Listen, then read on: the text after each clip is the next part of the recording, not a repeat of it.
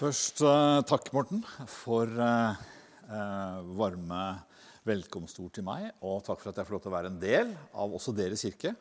Bærum trenger et sted hvor det forkynnes en god Gud og en stor Gud, og det vet jeg dere er. Og Derfor er jeg også veldig glad for å få lov til å være en del av denne serien, som handler om Bibelen, om å gi Bibelen, Guds ord, rom i våre liv. Eh, Før jeg deler det jeg har på hjertet, så har jeg lyst til at vi ber en kort bønn sammen. Himmelske Far, takk for at du kjenner oss alle som nå skal høre fra deg og fra ditt ord. Takk for at du elsker oss. Takk for at våre hjerter er skapt for deg. Og jeg ber, Herre, om at også det jeg skal dele, må få være ord som er sanne om deg. Og at det må få lov til å ikke bare berøre hjertet, men gi nytt liv. Det ber jeg om i Jesu navn.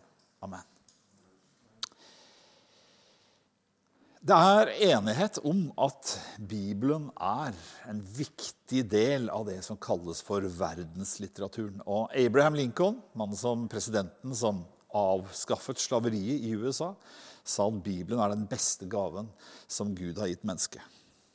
Den store filosofen Emmanuel Kant sa at Bibelen er det største litterære bidraget som er gitt i menneskenes historie.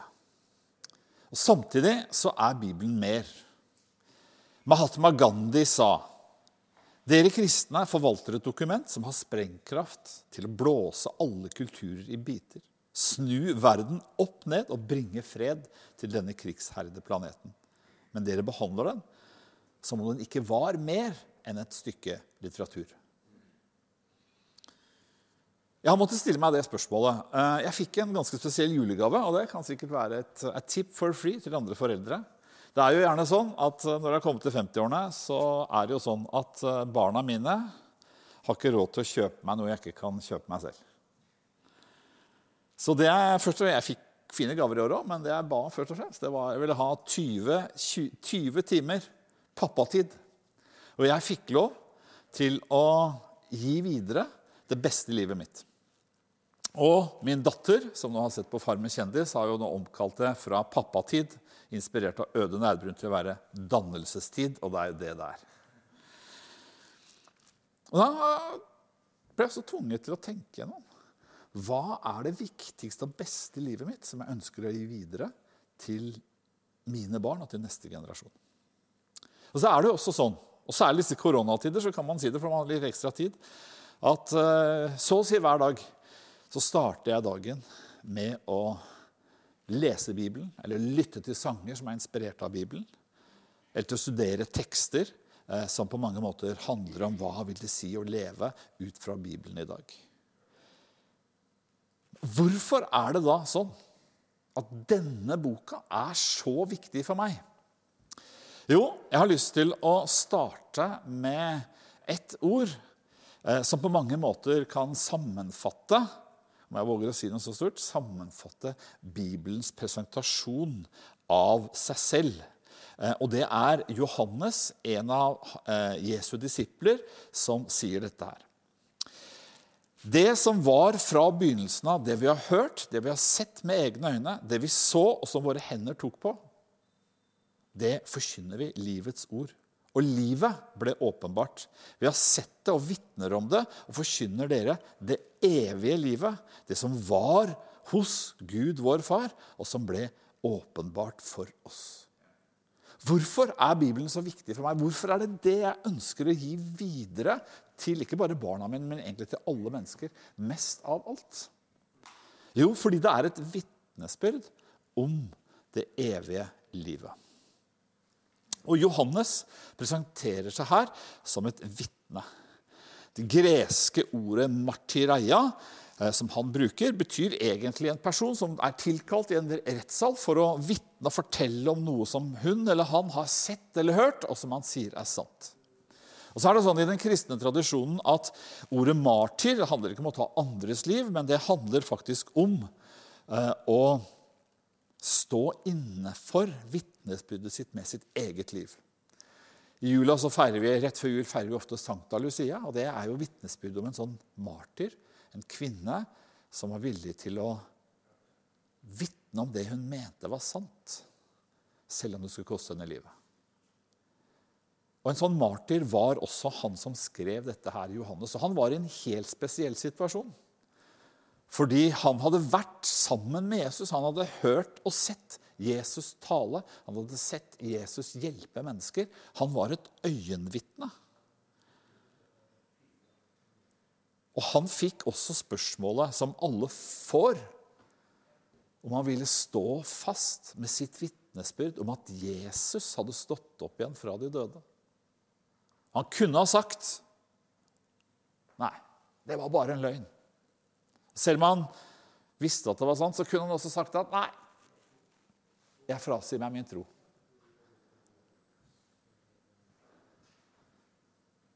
Men som de fleste av Jesu disipler så valgte Johannes å gi livet sitt for det vitnesbyrdet om det som han hadde hørt og sett hos Jesus. Og særlig det som har så stor betydning for hvorfor Bibelen er viktig, nemlig Jesu oppstandelse. Hva betyr Jesu oppstandelse? Jo, For det første så betyr det jo nettopp det at, at Jesus har seiret over døden. At det fins noe så ja, den er sagt utrolig Man skal kanskje ikke si det ordet i en kirke. Men det er jo egentlig sykt. Johannes og de andre disiplene de så den oppstandende Jesus. Og det betyr også noe for Bibelen. Og Det er det jeg ønsker å fokusere på eh, i, i, denne prekenen. Det er nemlig sånn at eh, Jesus ble dømt til døden for å ha sagt at han var Guds sønn. De sleit med å få dømt Jesus til døden, disse, denne jødiske makteliten som gjerne ville bli kvitt ham. Og Til slutt så, så spør sjefen sjøl, øverstepresten, han stiller Jesus spørsmålet rett ut og sier, 'Er du Guds sønn?' Og Da sier Jesus, 'Ja, jeg er Guds sønn'. Og Da var det blasfemi for jødene. Og så leder den rettsprosessen til at Jesus dør på et kors. Men etter tre dager så er graven tom. Og så begynner rapporten å strømme inn om at man har sett den oppstandende Jesus. Hvorfor er det viktig i forhold til Bibelen? Jo, Paulus sier det sånn at Jesus ble bekreftet eller stadfestet som Guds mektige sønn ved oppstandelsen fra de døde. Det er altså sånn at Gud selv trer fram som et vitne om at Jesus snakker sant ved å reise ham opp det mest sensasjonelle underet i historien. Han reiser ham opp fra de døde. Jesu døde kropp blir fylt med Guds livspust. Guds ånd fyller Jesu kropp, og så reiser Jesus seg opp og blir den første som har seiret over døden. Men det betyr også det som står i Lukas 7, 25, at Gud egentlig sier, 'Dette er min sønn. Hør han.' Hvorfor tror jeg på Bibelen? Jo, jeg tror på Bibelen fordi jeg tror på Jesus. Hvorfor tror jeg på Jesus? Jo, jeg tror på Jesus fordi Gud selv reiste han opp fra de døde. Og det må bety at Jesus snakker sant, og at alt han sier om Bibelen, er sant. La oss derfor sjekke det ut litt for deg. Jeg skjønner jo dette at Hvis dette er nytt for deg, så høres det jo nettopp utrolig ut at Jesus har stått opp igjen fra de døde. Og Du er ikke den første til å utforske oppstandelsen litt fra eh, perspektivet til en av de første skeptikerne. Han het Saul, eller Saulus, var fra byen Tarsus, som på den tiden var en stor handelsby, som hadde vokst seg så stor at han hadde tatt opp kampen med Aten om å være kunnskapens og filosofiens hovedstad i antikken. I tillegg så var Saul, eller Saulus han var teolog, opplært ved den beste skolen du kunne finne i verden. Han hadde rike foreldre. De hadde sendt han til datidens Oxford eller Cambridge eller HLT, da, hvor jeg studerer. Eller Morten studerer, og jeg lærer. Så han var både filosof og han var teolog Paulus, som han senere kom til å hete. Og Han var lenge overbevist om at kristendommen ikke var sann, men at det var en vranglære. Og selv om han var et godt menneske, så var han så nærmest besatt av sin skepsis på at noen kunne påstå at noen sto opp igjen fra de døde, og at noen kunne lære det kristendommen lærte, at Paulus ble en forfølger av kristne som var enig i drapet på den første kristne martyr, nemlig Stefanus. Han ble et menneske. Selv om han mente det godt, så ble han et menneske som drepte annerledes tenkende. Så skjer det som skulle forvandle Paulus og hele livet hans. På vei fra Jerusalem opp til Damaskus så er Paulus på vei for å identifisere noen kristne, fange dem og føre dem i lenker til Jerusalem. og Kanskje skulle de lide samme skjebne som Stefanus. Der på veien så skjer det plutselig at han møter et stort lys og en veldig kraft som hiver han av hesten mens han ligger der og spreller i støv og merker dette nærværet. Så sier han, hva, hva er dette? Hvem er du? Så hører han en stemme som sier, 'Jeg er Jesus, han du forfølger'. Møtet med den oppstandende Jesus forvandlet Paulus sitt liv. Og Likevel er det sånn at når han i 1. Korinterbrev, kapittel 15, underviser kirka i Korint om hva som er det sentrale i den kristne troen, så starter han faktisk ikke med sin dramatiske opplevelse, men han sier Først og fremst så overga jeg det til dere, som jeg selv har tatt imot. At Kristus døde for våre synder etter Skriftene at han ble begravet, at han sto opp igjen den tredje dag etter Skriftene. Her så er det veldig tydelig at for det første så, så har Paulus her tatt imot en tradisjon fra de første øyenvitnene, som Johannes og de andre disiplene.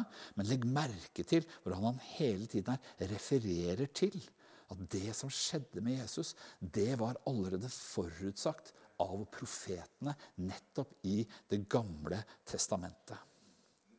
Og så sier han, hvordan kan vi tro at, at, noen står opp fra det døde, at Jesus har stått opp igjen fra det døde? Jo, han sier eh, at først så viste han seg for Kefas, det er et annet ord for apostelen eller disippelen Peter, eh, og deretter for, for de andre. Og Der gir Paulus en ganske kort sammenfatning av noe som fortelles eh, litt rikere i evangeliene. Og For det første så tror jeg selv historikere som akseptere at Jesus har levd, og det er det mange av, fordi vi har andre kilder også i antikken som snakker om Jesus. De vil akseptere at graven var tom. Hvorfor det? Jo, fordi vi vet at Jesu disipler begynte å forkynne at Jesus hadde stått opp igjen fra de døde. Og vi vet at det skjedde noe på pinsedag som skapte furore i hele hovedstaden Jerusalem. Og Det enkleste da for motstanderne de hadde bare vært å gå til graven, hente fram kista og si dette er bare tull.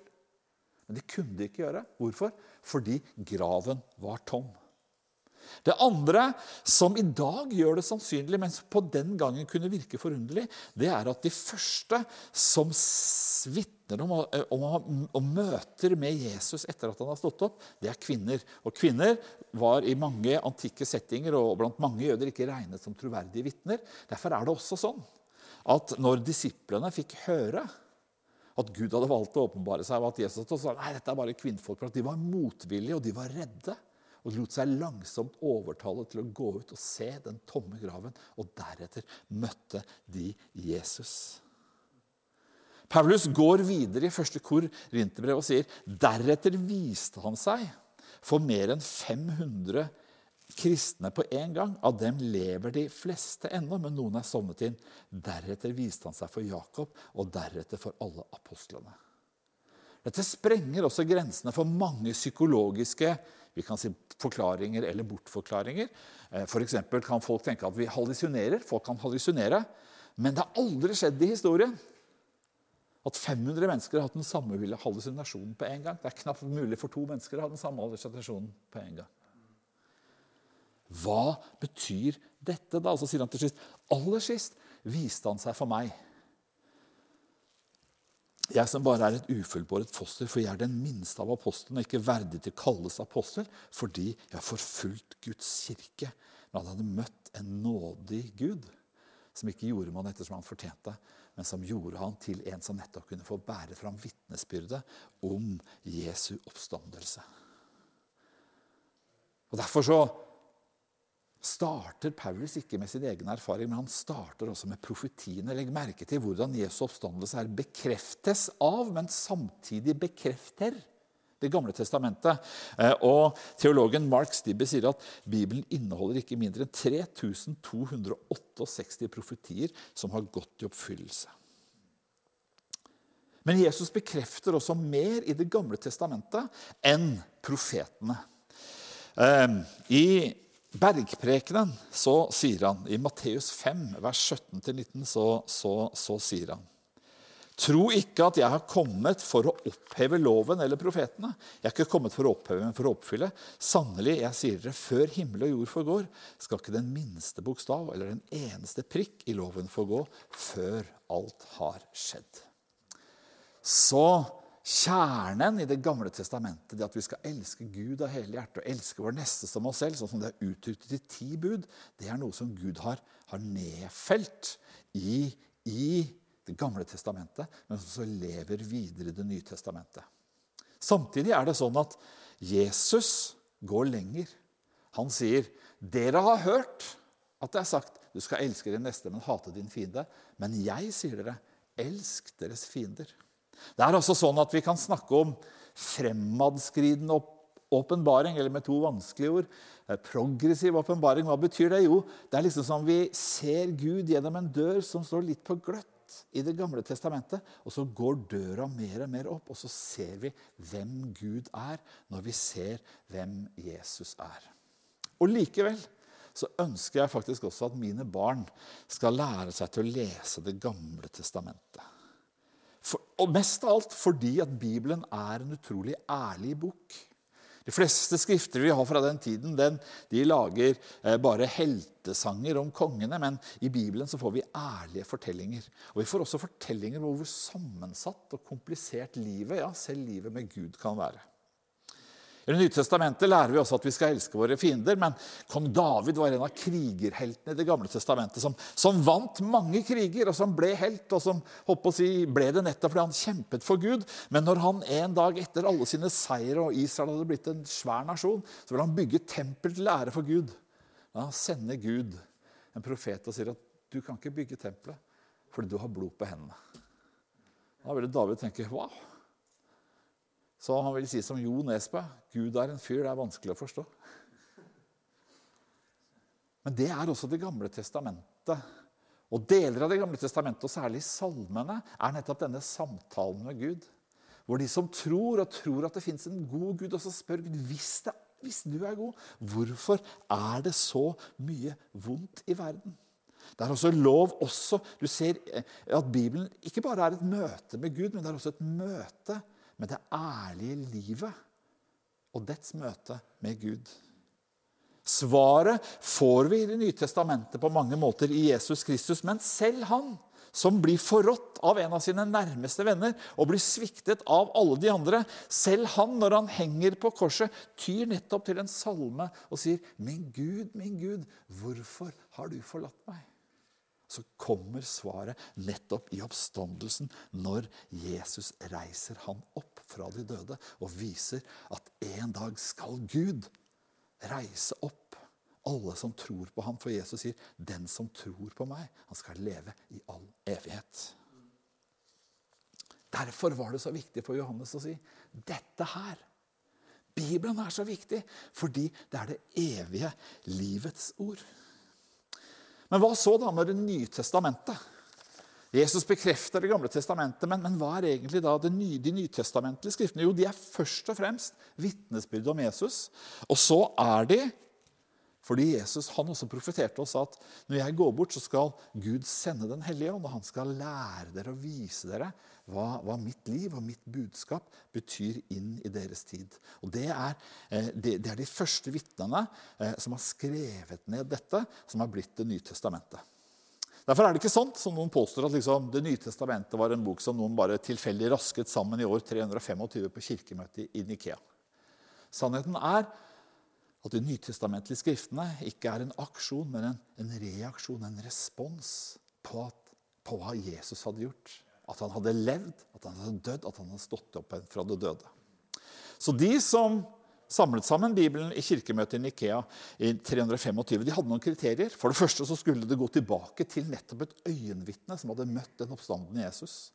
Det skulle vært i bruk i kirken lenge, så vi kunne vite at det var et gammelt og troverdig evangelium. Og det skulle stemme eh, læremessig med innholdet i de mest sentrale skriftene. Derfor kan vi kanskje si, og skal jeg sitere både Toralf Gilbrandt og Terje Hegertun litt fritt med eget språk. Det fins mange bøker, men bare én er bøkenes bok. Kledd i Orientens fargerike språkdrakt kom den til oss. I Arabias ørken begynte de å skrive på ørken, på boken. Den ble formet i kong Salomos prektige saler, blant diskusjonsglade filosofer i Korint og i et dystert fengsel i Rom. På øya Patmos fikk den sitt profetiske crescendo.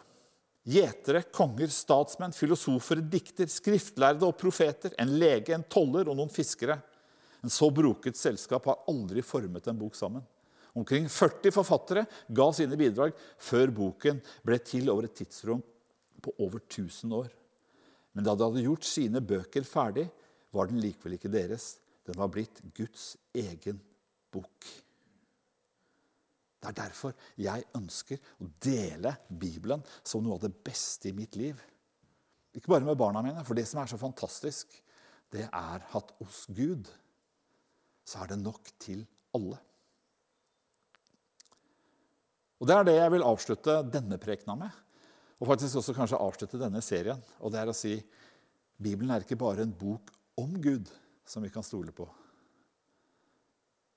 Bibelen er også en bok som leder oss til Gud, og som hjelper oss til å møte Gud.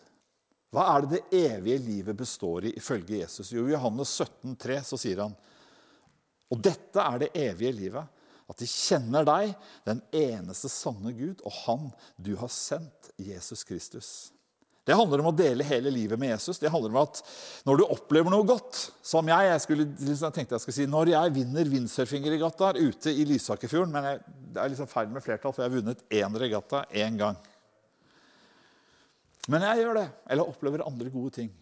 Så vet jeg at det å kjenne Gud det handler ikke bare om å vite om, men det betyr å leve i et personlig fellesskap. Jeg vet at når jeg jubler, så jubler han med meg.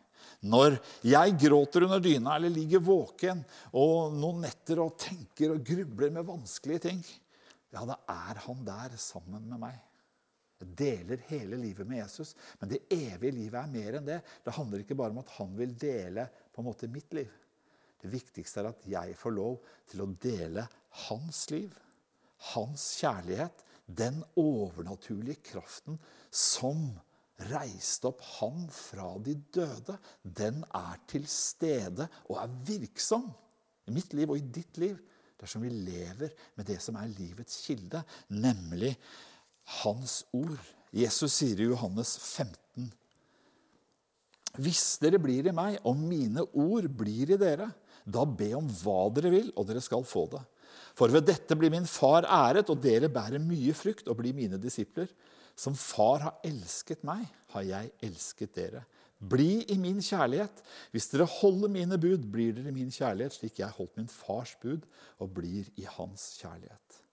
Hvorfor er det jeg gir rom til Bibelen hver dag? Hvorfor er det jeg elsker å studere den, høre kristne sanger, høre på prekener, leser bøker, hører på podkaster som har sin rot i Bibelen? Jo, det er fordi Guds Fordi Bibelen også er leder meg inn i Guds nærvær. Det skjer noe der Bibelen forkynnes. Der forvandles livet vårt fra innsiden og ut. Det er ikke alltid det skjer i et øyeblikk. Ordet som var i teksten her, er ordet frukt. Og vi som lever i en sånn instant satisfaction-kultur. Vi har ofte tenkt at det skal skje med en gang, men, men Bibelen snakker ofte om frukt, og vi vet Vi som har jobba litt i hagen, frivillig eller motvillig Vi vet at det tar tid fra man planter et tre til det begynner å bære frukt. Og det tar, tar, tar tid eh, fra, fra, fra, fra våren kommer og til frukten kommer. Så det handler, som Jesus sier, om å bli der, om å være der som når vi driver med windsurfing og andre idretter, vi, vi, vi, holder på med det over tid for langsomt å formes til å bli den, vi, eh, den beste utgaven av oss selv. Men over tid så bærer Guds ord en helt unik frukt. Jesus beskriver den frukten og de, de, de resultatene som, som frukt som varer for evig. Johannes, som var det første vitnesbyrdet, delte dette med, med sine, og en av hans disipler var Polikarp. og Han delte det videre til en av kirkefedrene som het Ireneus, og så gikk det videre til oss. Og det gikk også videre til en ukjent anglikansk prest som skulle forandre historien.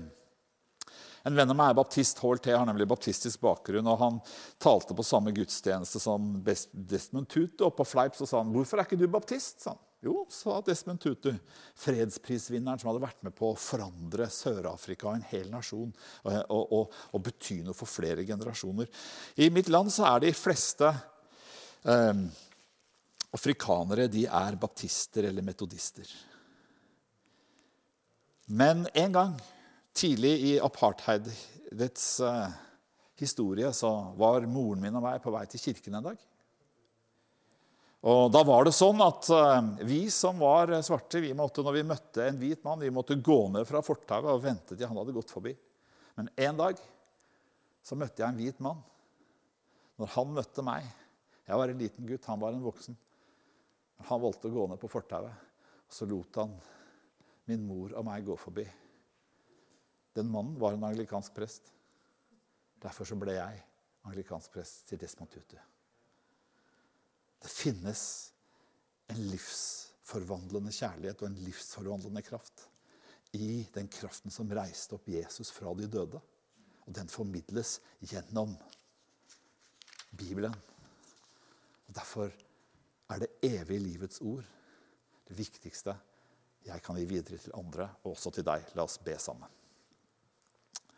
Himmelske Far, takk for at hos deg så er det en overflod av liv. Du er rik nok for alle som påkaller deg. Takk for at vi får lov til å komme deg, så dumme eller så kloke som vi er.